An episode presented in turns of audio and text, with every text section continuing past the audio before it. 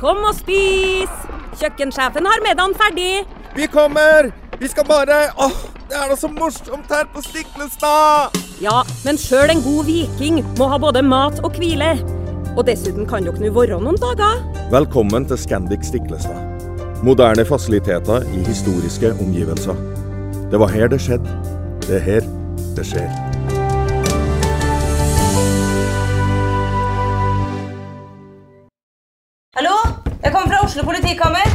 Ine Jansen er purk. Er du purk? The motherfucking bitch. Alt jeg vil, er å finne ut hva som skjedde med mannen min. Jon Carew. Er jeg sikta for noe? Iben Akeli. Det er du.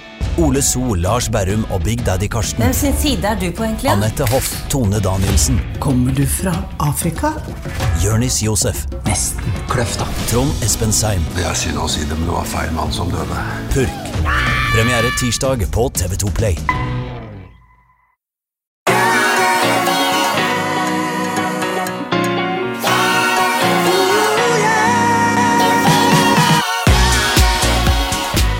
Velkommen til podkasten Hjernesterk. Ole Petter, i dag er det tirsdag 10. mai. Og du spurte meg som den folkehelserepresentanten jeg prøver å fremstå som. Hvilken dag er det i dag? Altså, jeg, det Og da sa du eh, Det er 10. 10. mai. mai, sa du. 10. mai, sa jeg. Eh, so what, liksom? Og da sa du ja, men Mats, i dag er det Hvilken dag er det i dag, Ole Petter? I dag er det verdens aktivitetsdag. Ja. Hvor vi skal prøve å sette fokus på viktigheten av å være i bevegelse. Og det har du gjort i dag. Du har vært ute og talt det gode budskapet, har jeg hørt. Ja, men Nå hørtes det ut som jeg var veldig klar over dette, men jeg skal innrømme en ting overfor deg og lytterne. og det er at Jeg visste det ikke helt selv, men jeg burde ha skjønt det. For i dag eh, Jeg driver jo og holder foredrag, stort sett. Det er det jeg lever av. Og eh, i dag så hadde jeg så mye oppdrag som handlet om alt fra å være på TV i dag tidlig for å snakke med barn og unge i skolen om hvor viktig det er å være i bevegelse for helsa. Eh, Foredrag for en eh, svær gjeng ved mm, sykehuset i Stavanger som jobber med psykiske lidelser.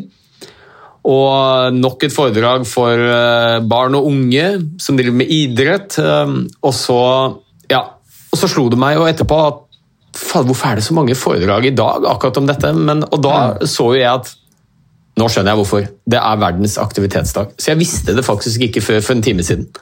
Men det har ikke vært så veldig mye oppmerksomhet rundt verdens aktivitetsdag allikevel, allikevel, syns jeg. Det Jeg hadde jo ønska at det var litt mer trøkk på det, og litt mer rundt budskapet om fysisk aktivitet, viktigheten av fysisk aktivitet, hvorfor det er lurt å mosjonere, inspirere folket til, inspirere, til å mosjonere, særlig nå i disse tider med covid-19 og alle utfordringer som hører med, så syns jeg egentlig det er veldig lite.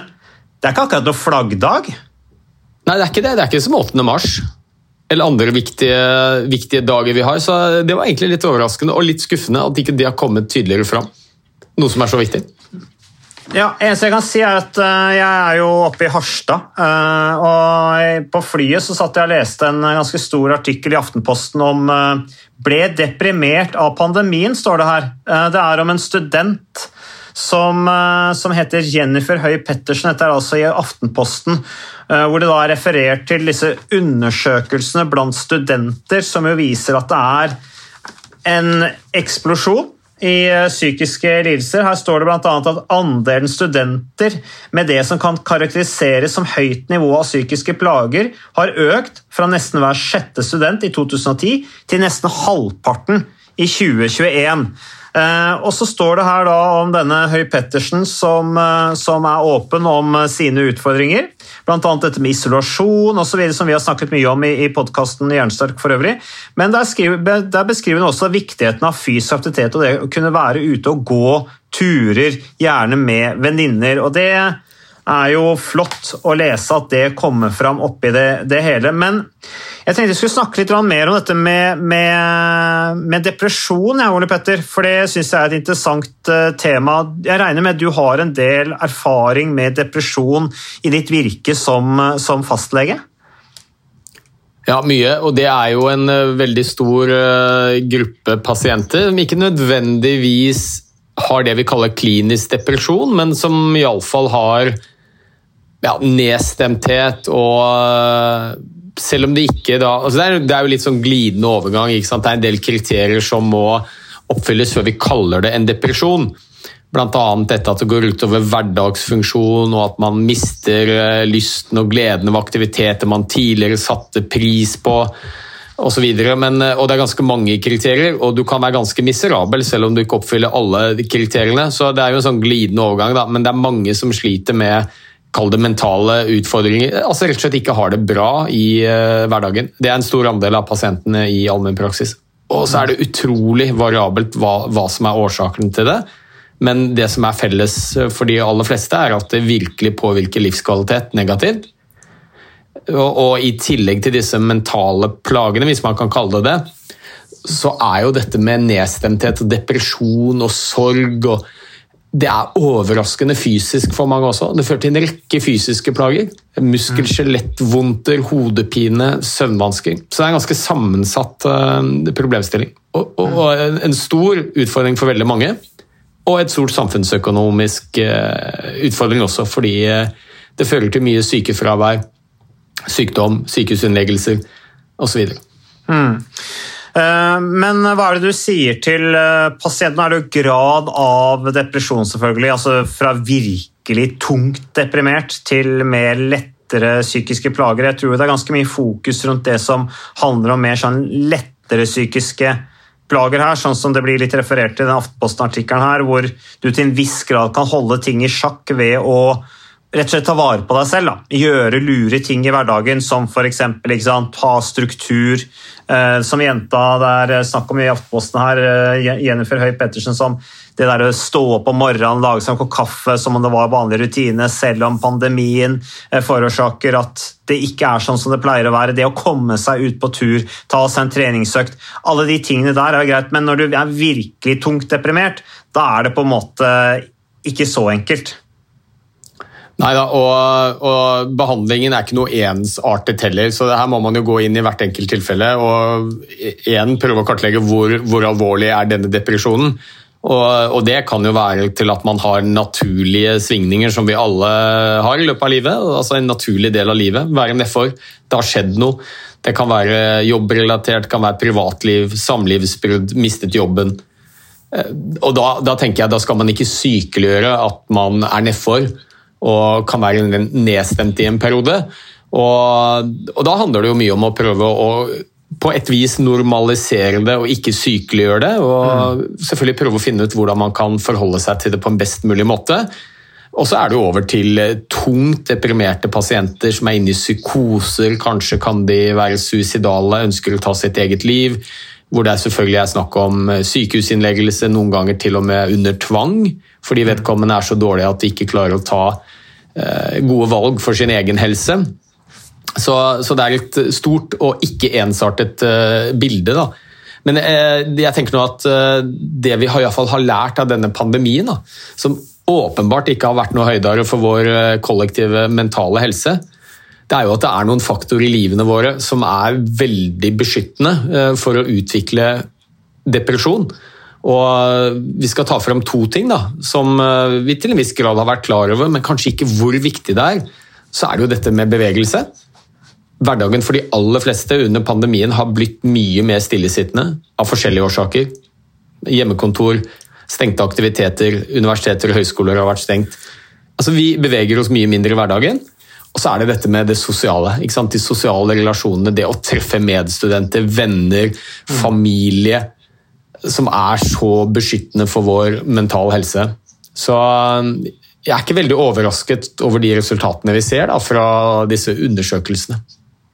Nei, det er klart, Sitter vi mye hjemme alene og grubler eh, innenfor et veldig lite geografisk område, så blir det fort at man henger seg opp i negative tanker.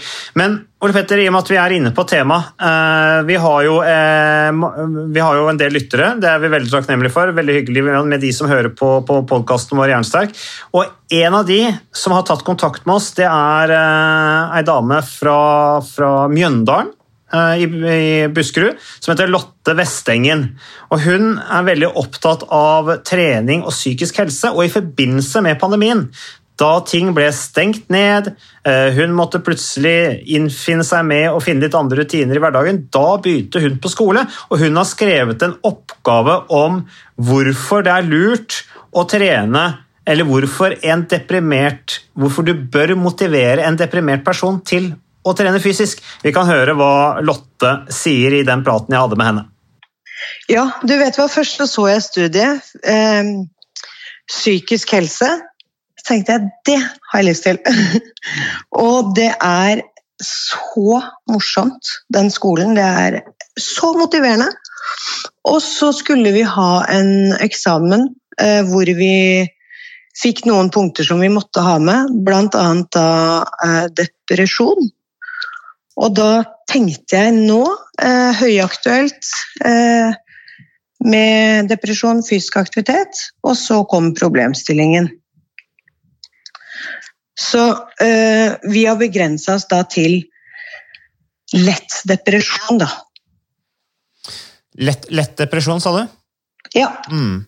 Men uh, hva var, når du begynte å skrive, hva var, uh, hva var funnene dine underveis? Hvordan, hvordan, du oppgaven, hvordan løste du oppgaven? Ja, det, det, det, ble mye lesing i fagbøker, da. Sant? Nå har det jo også vært en del forskning på både hva fysisk aktivitet gjør med, med huet, og det, det vet jo dere. eh, og så i tillegg, det vi oppdaga var at eh, eh, det er tidskrevende sant, å bruke fysisk aktivitet til en behandling, da. Så Eh, men vi fant også en forskning på at eh, psykoterapi viser at relasjonene til behandleren betyr mer for bedringsprosessen enn hvilke metoder behandleren bruker. Så selv om den selv om det litt sånn usynlige arbeidet som krever mye tid, da, kanskje ikke er helt akseptert i alle behandlers øyne, så, så er det jo verdt det. Men eh, hva tenker du på med, med altså, type behandling? At ikke all type behandling er uh, like akseptert? Var det det misforsto jeg da, eller hva tenker du Nei, på det? Ja, ja for det er det, vi, det er det, vi, klarte å lese oss fram til. at eh, den medisinske behandlingen er per dags dato liksom mye mer akseptert sånn uh, all over, da. Mm. Men uh, Og så har du selvfølgelig noen ja, som Modum Bad og noen som på en måte klarer å stikke seg ut og gjøre det gjøre det bra og akseptert. Men det burde jo vært normen. Mm. Men fant du andre eksempler på bruk av fysisk aktivitet som del av behandlingen enn det eksempelet du nevnte fra, fra Modum Bad? Eh, vi leste egentlig ikke så mye på enkelte, enkelte behandlingssteder. Eh, for vi hadde jo problemstilling med hvorfor. Så eh, vi fokuserte mer på hvorfor skal vi gjøre det. Ja, men hvor, og, og, Det er jo litt av spørsmålsstillingen her også i oppgaven. Hvorfor motivere en deprimert person til fysisk aktivitet? Hvorfor skal man det, da? Hva kom dere fram til? Ja. Eh, hvorfor skal vi gjøre det? Det er jo fordi at eh, det er jo så å si eh, bivirkningsfritt. Eh, jeg har hørt at du, du, sier ikke at det er helt bivirkningsfritt, men vi valgte det her på en lett depresjon, så valgte vi å si det er bivirkningsfritt. Fordi på en måte bieffekter som stølhet og belastningsskader valgte vi å ikke Eh, ha med som relevant. Mm. Eh, og så vet vi at fysisk aktivitet øker stressmestring, senker blodtrykk, reduserer kolesterolnivå, bedrer blodsukker. Eh, at fysisk aktivitet påvirker hjernen, mm. og at man da øh, vil hele tiden oppleve mestring. Da, Hvis du har med deg en god medvandrer, en behandler som hele tiden tar de små skrittene, du vil føle på mestring og kjenne mer at fy fader, hva er det jeg får til? Dette klarer jeg. Jeg er jo ganske god. eh, så skjer det jo mye oppi hodet, eh, og så vil du på en måte sitte igjen med en følelse at du sjøl har vært med og behandla deg frisk. Mm. Men eh, Lotte, var du veldig interessert og bevisst på dette her før du satte i gang med, med oppgava, eller var det fordi at du har hatt en begynnende interesse for det og du ønsket å vite mer? Du, jeg er, eh, jeg er opptatt av eh, fysisk aktivitet og psykisk helse. Og jobber også som eh, gruppeinstruktør på et treningssenter. Men er alltid mer opptatt av hva trening gjør for huet enn kroppen. Da. For jeg tenker at det, det treningen eventuelt gjør med kroppen på sikt, det er jo en god bieffekt. Men det er ikke det vi bør ha fokus på. Er ikke det litt, Akkurat det du sier der, Lotte, det tror jeg at en del av våre lyttere at de har på en måte et bevisst forhold, eller de, er, de, de, de har den erfaringen, de har kjent gevinstene på kroppen, og så mm. ønsker de å formidle det ut til flere. Ofte, ofte eh, personer som er, er nær dem, men de kanskje sliter litt med å klare å, å forklare det på en måte som virker overbevisende. Hva, ja. hva tenker du om det? Ja, jeg er helt enig. Eh, jeg opplever jo at flere og flere er opptatt av hva det gjør med deg som helhet. Og ikke bare bygge muskler eller bli tynnere eller få sixpack. Eh, men at du skal fungere som et sterkt menneske, da. Mm. Mm. Men dere fikk toppkarakter og Lotte, gjorde dere ikke det? Du, vi fikk en A, altså. Gratulerer. Ja, takk. Det er morsomt, det. Men uh, det var uh, Det var Var det noen andre var, i, i, arbeidet var det noen ting som du, du lærte av det? Med den eksamensoppgaven? Ja. det er klart, man lærer jo noe hele tiden, og man har jo en tanke om at ja, ja, gå tur er bra, eller eh, Men det som faktisk eh, jeg blei veldig positivt overraska over, er hvor lite du faktisk må yte da, for å få en eh, tilberedning. Mm. Altså en bedring, da. Så men, men bare tilbake til, Vi snakka om Modum Bad. Der er det ganske godt kjent nå at fysisk aktivitet har vært en del av behandlingstilbudet. Men, men, fant du noen Jeg tror jeg, jeg, spurte vel, jeg spurte vel om det i begynnelsen av den samtalen, her, men, men du fant, fant, du ingen andre eksempler på at fysisk trening ble praktisert som del av behandlingstilbudet? Åh, nå må jeg tenke meg godt om. Fordi at Du sier jo også i den start på samtalen her at det er tidkrevende å drive med fysisk aktivitet. Tror du det er en av grunnene til at fysisk aktivitet kanskje ikke blir brukt? Fordi at det tar for mye tid og, og, og er ressurskrevende å drive med det, rett og slett? Ja, det tror jeg. Og så tror jeg også at det er eh, den der relasjonsbyggingen du må ha i bunnen. da fordi at vi, eh, vi snakka med en som hadde hatt en lett depresjon, som hadde kommet en, eh, til en psykolog, eh, og de hadde null connection. Og, og det blei på en måte bare verre. Så jeg tror at den der relasjonsbyggingen fra start er ekstremt viktig. Det, det, er interessant du sier, Lotte, fordi at uh, basert på samtalen med min far, som jo har jobbet veldig aktivt med fysisk trening på Modo Bad som del av behandlingen der hans, mm. en, av, en, av, argumentene han hadde for at de nettopp skulle begynne å trene med, eller drive fysisk aktivitet med pasientene, mosjonere med pasientene, var jo det Mye av poenget var at behandlerne skulle uh, praktisere med pasientene trene med ja. pasientene, fordi at han da mente at da ville de bli bedre kjent. Kan, ja. Er det da logisk i, i forhold til det vi snakka om nå? Ja, det er jo det. Og, og, faktisk, eh, når du sier det, så uh, Forrige eksamensoppgave så skrev jeg også noe om det her.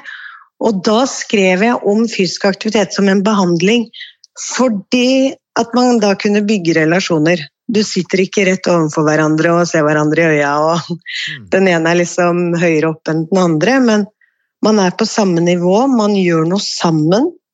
Eh, Men det, det er klart at den relasjonsbyggingen, det tar jo litt tid. Eh, Samtidig så må jo den behandleren være veldig eh, obs på sin egen kunnskap og kompetanse, og vite godt om egne særtrekk som kan virke inn på den samhandlingen. Da. Det var eh, Lotte Vestengen det, fra Mjøndalen som eh, snakket om denne oppgaven hun har skrevet. eh, og Det er jo litt spennende, syns jeg. Gøy at hun har gjort det, gøy at hun er motivert til det. Og gøy at hun er engasjert i fysioterapeut. Men noe av det som er litt spennende, Ole Petter, som, som hun sier her, Lotte, det er jo dette her med gjennom oppgaven at hun har eh, fått en erkjennelse eller oppdaget at det er veldig tidkrevende å bruke fysisk aktivitet til behandling. Um, og Hva tenker du om det? Ja, eh, det er, jo, det er jo noe jeg er enig i. Eh, Så Det er den ene siden at det er ganske tidkrevende. Jeg skal si litt mer om det. På den annen side så er det jo en behandling som har så formidable gevinster. eh, Ikke bare på den mentale helsa vår, men på den fysiske helsa, velvære, livskvalitet. Alt dette som eh, også er viktige elementer når man er deprimert. Da. Fordi vi ser jo at eh, depresjon og nedstemthet, angst f.eks., den er overraskende fysisk for mange. Så De fleste tenker at depresjon det er mental smerte, og det er det jo i aller høyeste grad. Men den er også veldig fysisk. De aller fleste som lider av iallfall i hvert fall moderat og tung depresjon, de vil oppleve en del kroppslige plager i tillegg. Muskel-skjelettvondter, hodepine, søvnvansker, eh, endring i tarmfunksjon, magesmerter osv. Så, videre. så så jeg tenker at det er allikevel en, eh, en, en behandling det er verdt å bruke den tiden det tar på, fordi den er så effektiv. Eh, Men jeg tror det ligger også litt i sakens natur da, at hvis du skal få noen til å, eller hjelpe dem til å bli mer fysisk aktive, så må vi også se at 75% av befolkningen de er inaktive fra før. Og så vet vi at eh, inaktivitet er en risikofaktor for å bli deprimert. Så blant deprimerte pasienter så er det sannsynligvis enda større andel av befolkningen som er inaktive i utgangspunktet. Så da snakker vi jo egentlig om å hjelpe noen til en livsstilsendring. Og det vet vi, det er tidkrevende og til tider ganske tungt. eh, Selvfølgelig for pasientene, men, men også for eh, behandler. Så eh, jeg tror også det er en viktig grunn til at ikke dette brukes mer. Jeg kan da bare bruke min egen situasjon som fastlege gjennom 20 år som et eksempel hvor sant, vi har mange pasienter. 1500 pasienter på lista. Dagene våre består av 30-40 pasientkonsultasjoner. På en god dag 15-20 minutter på hver pasient. Ukas annonsør det er eh, HelloFresh. Og eh, hvis du nå går inn på hellofresh.no og bruker koden 'fresh hjerne', så kan du få opptil 1779 kroner rabatt på da de fem første matkassene dine hvis du ikke har prøvd HelloFresh enda. Og Ole Petter, vi er jo glad i HelloFresh i podkasten Hjernesterk, eh, selvfølgelig fordi at de er en annonsør. De er med og bidrar til å spre det glade ordet om fysisk aktivitet og god helse. Men i tillegg så har jo vi også nå lang erfaring med HelloFresh Fresh selv. Så vi må jo si at det har vært gode erfaringer til nå. Ja, absolutt. Visste du, Mats, at HelloFresh det er faktisk verdens ledende matkasseleverandør? Og tilbudene til HelloFresh gjør det enkelt å lage gode og varierte retter som skaper matglede. Og matglede vet du, det er like viktig som hva du putter i munnen. Det å spise mat med folk du trives med. Så gjennom 25 nye og inspirerende retter hver uke så bidrar HelloFresh til dette. Du kan bestille ekstra porsjoner om du får gjester, eller hoppe over uke hvis du f.eks. skal bort. Og Det er ingen bindingstid, og du velger leveringstidspunkt og dag selv, så leverer HelloFresh matkassen din akkurat når det passer deg. Ikke dårlig, Mats. Nei, det er veldig bra. Så, øh, og dette er med enklere hverdag, det kan jeg nå skrive under på. For nå, forrige erfaring vi hadde forrige uke, Ole Petter, det synes jeg var Det var jo et gjennombrudd øh, for familien Kaggestad. For da lagde rett og slett barna De lagde middag og serverte middagen, så den var ferdig laget og servert da når eh, min kone Marita og meg kom hjem fra jobb. Og jeg mener Det var jo bare helt utrolig. Eh, Det var helt fantastisk. Det ble en nydelig middag. Riktignok de, de, de, de roter og søler litt, det gjør de. Så, men, men maten ble veldig god. De var veldig stolte over å kunne ha både laget og servert maten, så det var helt fantastisk. Så vi har jo da i det siste så har vi eh, spist eh, bl.a. sitron- og dillstekt hyse med ovnsbakte grønnsaker og aioli. Eh, Vi har spist middelhavsinspirert kylling. Taco, så finnes det mange ulike typer taco. F.eks. vietnamesisk taco, som vi har spist. Thailandsk vegetargryte. Veldig riktig og sunt eh, i dagens eh, samfunn med, med fokus på bærekraft. Hvitløk og chilistekte reker i spagetti, det var definitivt en vinner. Så det er så flott. Du får rimelig mat ved at du kun betaler for det du trenger, så det blir ordentlig feststemning med Hello Fresh. Det gjør det, og nå er det bare for deg å gå inn på hellofresh.no og bruk koden FRESH hjerne'. Da får du opptil 1779 kroner rabatt på de første fem matkassene dine, hvis du ikke allerede har prøvd HelloFresh. Du kan også bruke rabattkoden hvis du har stoppet abonnementet ditt for tolv måneder siden eller mer. Er det noe å lure på? Håper maten smaker godt. Bon appétit! så sier det seg selv litt at eh, en enklere og kjappere løsning når du møter en pasient med depresjon, det er å ta frem reseptblokken. Ja, Det gjør vi jo ikke lenger, for vi gjør det jo eh, digitalt, elektronisk resept. Men det går mye kjappere. Og så tror jeg det er et annet element i det som vi av og til glemmer, og det er at uh, dette med fysisk aktivitet uh, som behandling har ikke fått den anerkjennelsen jeg mener det fortjener. Verken hos helsepersonell eller hos folk flest. For det, det har ikke vært så mye snakk om det, og de fleste ser på fysisk aktivitet som rekreasjon og noe som er privat anliggende. Det, det, har, det har ikke noe med behandling av sykdommer å gjøre. Så jeg, når jeg da møter pasienter med depresjon og foreslår fysisk aktivitet som iallfall et ledd av behandlingen, så er det mange som rynker litt på nesa og tenker at det virket som en litt for lettvint løsning. Tar du meg skikkelig på alvor? Nettopp fordi fysisk aktivitet har ikke fått den anerkjennelsen den fortjener. Det høres jo litt sånn ut, Ole Petter. eh, Det, vi- kan, måte, det minner litt om eh, det vi snakket om for forrige podkast, hvor vi snakket om den vanskelige samtalen. Denne legen som hadde sendt inn spørsmål eh, som syntes det var vanskelig å snakke om fysisk aktivitet med pasienten. Men det bunner jo da ut i det igjen at fysisk aktivitet ikke er forankra som behandlingsmetode. Og kanskje enda mer. Jeg tror kanskje veldig mange er enige om at fysisk aktivitet er bra, men jeg tror kanskje det enda større problem er hvordan skal vi sette dette i system? Hvordan på en måte skal dette her bli et behandlingstilbud for de som trenger det? Eh, Og Derfor så søker vi heller da de etablerte quick fix-løsningene som mye handler om medisin, og det som selvfølgelig er etablert. Det er jo det der å skape en endring, gjøre noe nytt, det sitter langt inne for veldig mange. For det er jo tungt å komme igjennom det allerede etablerte. Det har man jo også, Vi har snakket om Modum Bad. det var jo det tok en stund der før eksempel fysisk aktivitet ble en etablert del av behandlingen.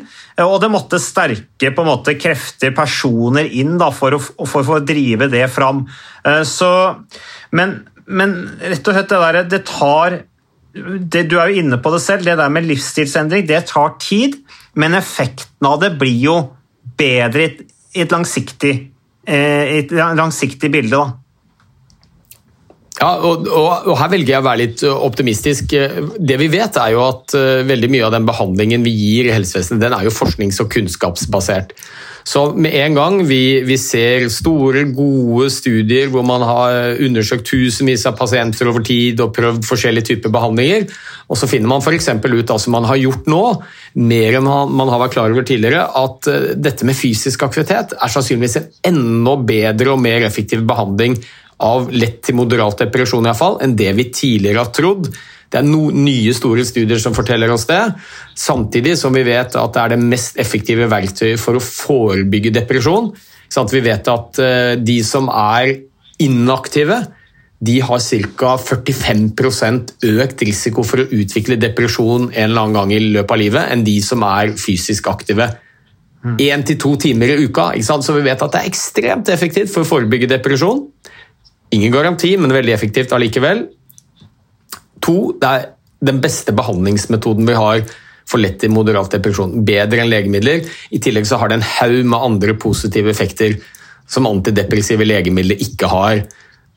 Så godt som uten bivirkninger. Men så tar det tid fra vi finner ut det, til dette begynner å manifestere seg som en behandling i helsevesenet. Det kan ta 10-15 år det, fra vi finner ut dette. Altså, ting skjer langsomt i helsevesenet. Men det er jo det som er fint, at eh, når vi får god kunnskap, så endres ting over tid. Så jeg har jo veldig tro på det at det er et tidsspørsmål før dette blir eh, Altså får den oppmerksomheten eh, det fortjener i, i helsevesenet. Ja, Vi har jo masse ressurser der ute som har lyst til å jobbe med fysisk aktivitet. Vi har masse folk som er utdannet innen folkehelse som ikke har jobb, annet, som lurer på hva de skal, skal gjøre. Men det er som jeg sier, er, vi vet ikke hvordan vi skal sette den altså sette fysisk aktivitet, fysisk trening, mosjon, kall det hva du vil, i system som behandlingsform. Uh, og det, det, blir spennende å se den dagen vi utvikler det. Jeg er helt enig med deg, Ole Petter. Det er god grunn til å være optimist, samtidig som jo undersøkelser på, på folkehelsenivå viser jo at det egentlig går litt gal vei, i tillegg til at vi vet at også den yngre de yngre generasjonene er mindre fysisk aktive enn før, så de kommer opp i voksen alder kanskje en dårligere form enn, enn tidligere. Så får vi da håpe da, at bevisstheten blant de kanskje er, er større. Ja da, og så er det jo én ting å sitte med kunnskapen og vite at ja, fysisk aktivitet er et veldig godt verktøy for å forebygge og behandle. Men du skal jo få implementert det i praksis også, og så har vi jo et helsevesen som ikke er skodd for dette i, i det hele tatt. Og det, det, snakker jeg en del om da, med bl.a. helsepersonell, leger, som ikke har dette i utdanningen sin, og som lærer veldig lite om det. Vi har en fastlegeordning som er laget for reparasjon. Vi bruker mesteparten av energien vår til å fikse skader som er inntruffet. Vi må forebygge mer. Da trenger vi færre pasienter på hver liste, mer tid til hver pasient. Så det er jo en del sånne eh, strukturelle ting da, som må, må endres i helsevesenet også, for at vi skal kunne bruke den kunnskapen vi har for å bedre hjelpe pasientene våre, kanskje spesielt når det gjelder forebygging. Men eh, du er litt inne på det, Ole Petter. Du brukte det ordet at uh, normalisere psykiske lidelser. Eh, at det er egentlig ganske vanlig å ha en eller annen mild form for psykisk lidelse i løpet av livet. Jeg tenker det om meg selv, jeg sier jo det selv til, til kona mi og vennene mine, og nå sier jeg det her på podkasten. Jeg blir tungsindig, deprimert, hvis ikke jeg får mosjonert. Du kan kanskje kalle meg tvangsprega, eller at det bare er en vane, kall det hva du vil, men jeg kjenner jo på den mentale effekten av fysisk trening. Det er derfor jeg drar ut og gjør det såpass ofte som det jeg gjør, da, uh, regelmessig. Det er en del av min daglige rutine, fordi at ellers så blir jeg sliten, slapp, trøtt, deprimert, tungsindig. Uh, og særlig nå har jeg merka det. Bl.a. på arbeidsinnsats. ikke sant? Du har sittet der, vært litt tungsindig, hatt det litt, uh, du, du, er trøtt, hatt lite energinivå, lite kreativ. Og så tar man seg den treningsturen fordi at jeg vet at da føler jeg meg bedre etterpå. Og det er jo en, en, forebygging, men det er jo også en akuttbehandling av, av meg selv. da. Ja, og, og, jeg vil jo gå så langt som å kalle deg helt normal, jeg, Mats. Verken tvangspreget eller rar. Eh, og dette vet vi egentlig ganske godt, at vårt humør, og det er jo gjerne det som endres da når man blir eh, deprimert, det er faktisk eh, avhengig av regelmessig bevegelse. og Det er kjemiske forklaringer på det. fordi at eh, Når vi beveger oss, så skilles det ut en rekke kjemiske stoffer som er med på å bedre humør. I tillegg så vet vi at det å være i bevegelse, gjøre ting vi er glad i, få ting til, det er viktig for mestringstillit, som også er et ledd i dette med depresjon. Mange sliter med dårlig mestringsfølelse, troen på egne iboende evner. og og det å være i fysisk aktivitet en, Det skjer kjemiske ting som er bra for humøret. Det gjør noe med måten vi tenker på om oss selv på. Eh, og som jeg har sagt mange ganger, Problemene dine blir ikke borte om du tar deg en treningstur, men du evner å se dem på en litt annen måte og forholde deg til dem på en bedre måte. Mm. Det er faktisk normalt å ha utfordringer i livet, normalt å ha problemer. Eh, og det er som du sier, da ser man kanskje litt annerledes på det. Eh, at ikke verden går under selv om du har problemer, men du lærer å leve med det. Men en annen ting som er interessant, som Lotte sier da, etter å ha jobbet med denne oppgaven, det er jo det at den medisinske behandlingen sier hun, den er mest, den, den er mest akseptert. Det er jo du litt inne på også. Men at Modum Bad Nærsanatorium, landets største psykiatriske institusjon, stikker seg ut, og at det burde være en, en norm. Men hvorfor er ikke Modum Bad, som jo tross alt, som jeg nevnte, landets største psykiatriske institusjon, eh, anerkjent som bare det? Det er en kø med pasienter som vil inn der hele tiden. Kjempepress på den institusjonen. Gjør en kjempejobb. Eh, men allikevel så, så er ikke det norm hvordan man skal gjøre det. Altså Institusjonslivet sånn generelt sett bruker ikke det som eh, Nå er det selvfølgelig unntak, men det er mange andre, det er selvfølgelig finnes også unntak på, på institusjoner og behandlere som bruker fysioterapeut, men det er ikke en norm. På, til tross for alle disse årene med erfaring. Og hvorfor, hvorfor tar det så lang tid å på en måte lage en best practice og si at de erfaringene har vi herfra, de undersøkelsene vi har gjort herfra, det fungerer bra, da bør man gjøre det alle andre steder også. Hvorfor, hvorfor, hvorfor er det ikke sånn? Du som har vært i helsevesenet lenge. Ja, Det er jo et veldig godt spørsmål, men jeg tror det handler om mange av de tingene jeg har snakket om. at det er tungrodd system. Det tar tid før de, den beste nye praksisen og kunnskapen vi får, før den blir implementert. Og, og igjen så handler det da om sant, hvem er det som jobber i dette helsevesenet. Hva er det de har lært, hva er det de har mye kunnskap om? Og Da er jeg tilbake til min legeutdannelse. 140 timer om legemidler, null timer om fysisk aktivitet som medisin. Vi må jo lære dette. Vi må ha med oss de verktøyene når vi begynner å jobbe med pasienter. Det gjelder ikke bare leger, det gjelder sykepleiere, det gjelder mange andre helseprofesjoner også. Vi må kunne mer om det. Og så må strukturen i helsevesenet altså Ting må tilrettelegges, så det er mulig å få til dette i praksis i hverdagen. Og klart, Nå, nå bruker vi ekstreme ressurser da, på Altså det er jo litt sånn i helsevesenet også at det, det, vi bruker mest ressurser på, det er mye nå høyteknologisk behandling. Som, som er viktig for enkeltindivider, selvfølgelig. Avansert hjertekirurgi. Man gjør dette på en helt annen måte i dag enn man gjorde for 20-30 år siden. Det er robotkirurgi ved prostatakreft. og altså For all del, Det er fantastiske nyvinninger som har mye å si for enkeltindivider, men ser vi på folkehelsa, totalt sett, så, så, ville vi jo hatt en mye bedre effekt hvis vi hadde mer fokus på kanskje de litt enklere behandlingsalternativene, som ikke er like teknologiske fancy, og hvor det ikke er noe industri som står bak og dytter det fram. F.eks. fysisk aktivitet, f.eks. kosthold, f.eks. søvn. Og det er jo ikke ting vi snakker så mye om i, i helsevesenet. Så, ja, så jeg tror også det må en holdningsendring til. da. Og dette tar tid. Også, Modum Bad er jo et veldig godt eksempel på, på noe som inntraff fordi man hadde noen ildsjeler, bl.a. din far. Så du ser, Det er jo en del som får det til, men systemet er ikke rigget for å gjøre det. sånn at man, man trenger noen som virkelig brenner for det, noen ordentlige ildsjeler. Da får man det til. Mm. Men jeg tror det er en del endringer som må til før dette skal bli normen i behandling, til tross for at vi vet at det er veldig effektivt. Ja, Det er ikke en kultur for det enda, rett og slett, så vi får satse på at det etter hvert skjer, Ole Petter. Du, du har i hvert fall gjort mye i dag. Du har vært rundt og, og talt en gode sak i og med at det er verdens aktivitetsdag. Så jeg tenker at vi vi lar det være nå. Vi kan jo for øvrig nevne, det sa vel kanskje Lotta, at hun fikk en toppkarakter A på oppgaven din, så det er, det er, veldig bra. Men Ole Petter, det er ett spørsmål her som vi har fått som, som jeg syns er litt aktuelt når vi først er i gang. Her står det Det, det er aktuelt, det har litt med, med, tidligere ting vi har sagt om også, men her står det, jeg skal lese opp spørsmålet. Takk for en kjempefin podkast. Det er virkelig inspirerende å høre dere og gjestene dere har.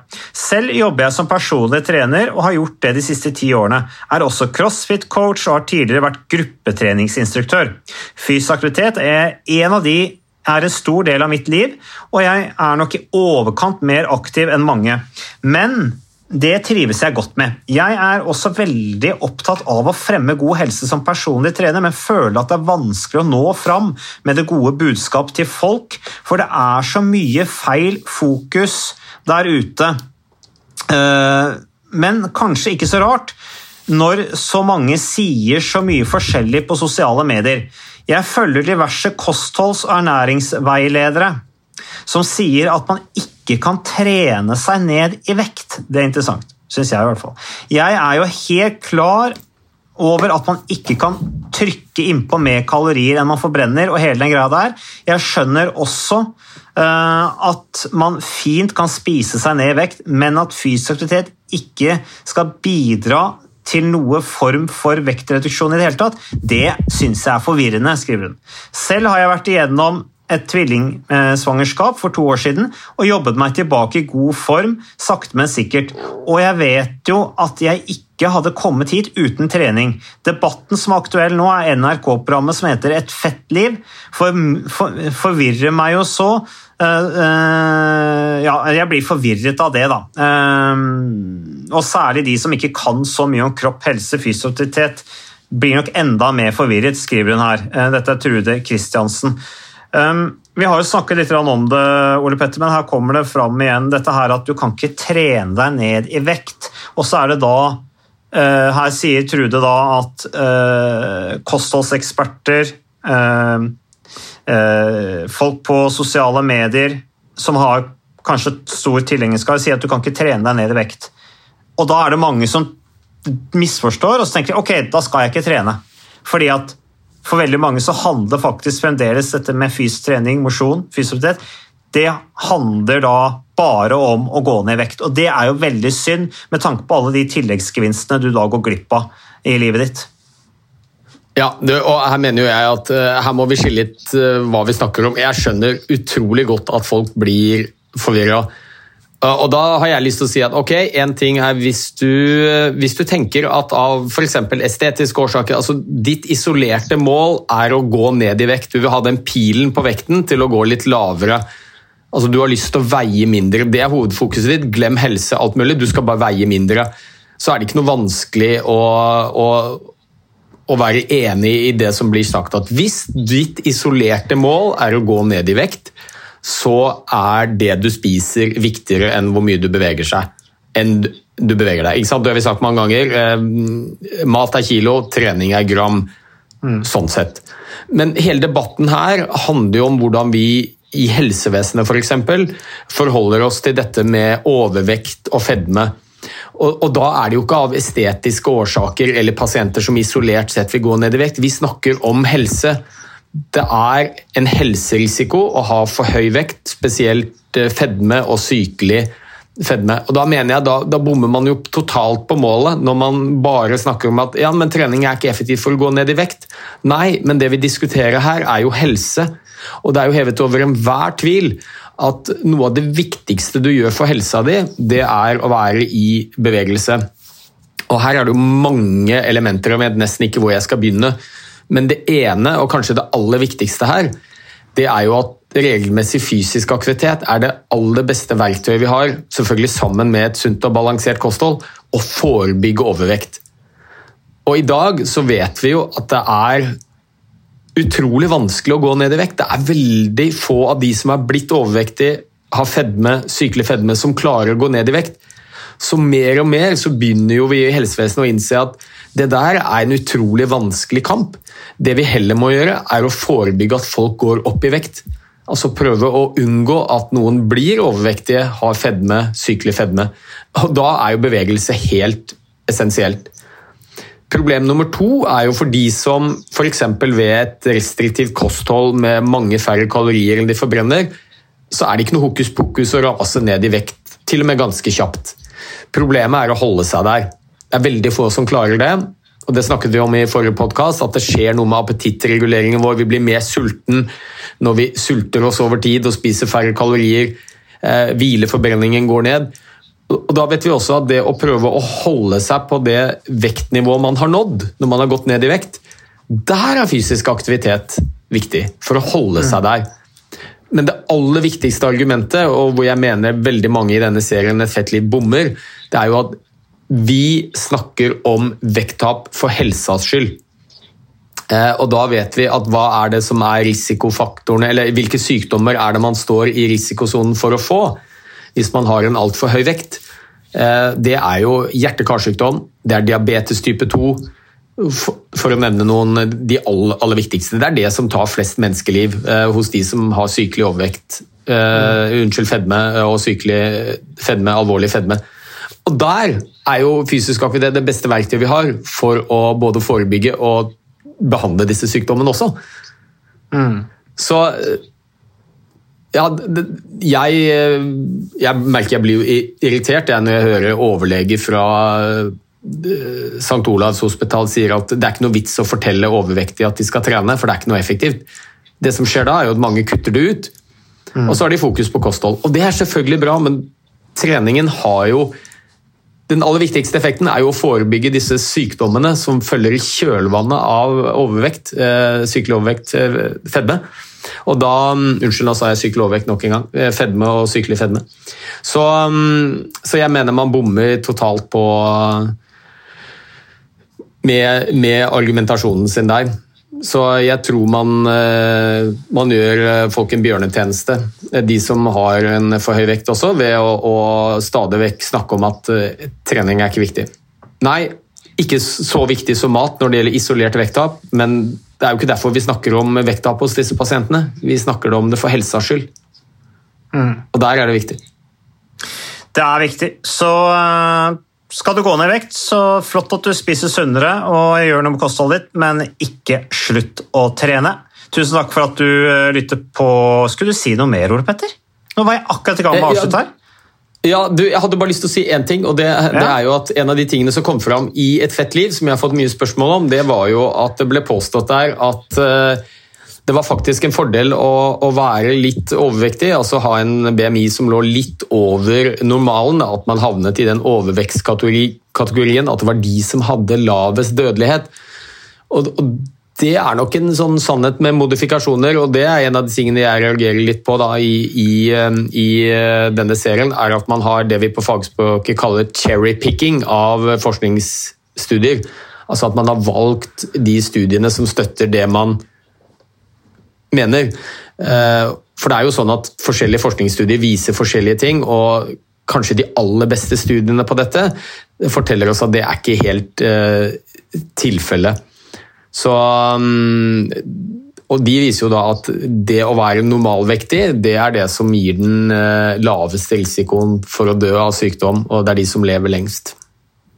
Så det er litt det sånn blir, uh, ja selektivt av hva man har valgt av eh, studier for å støtte opp under sin argumentasjon og sine, sine påstander. Det blir i hvert fall uh, veldig snevert, syns jeg, og det har vi snakket med tidligere om også, at uh, det blir liksom det ene eller det andre. Men uh, hvorfor ikke tenke litt mer helhetlig? Og kombinere litt ulike metoder og få det beste fra alle verder. Så tusen takk for at du lytter på podkasten Hjernesterk. Vi er tilbake neste uke. Takk for nå.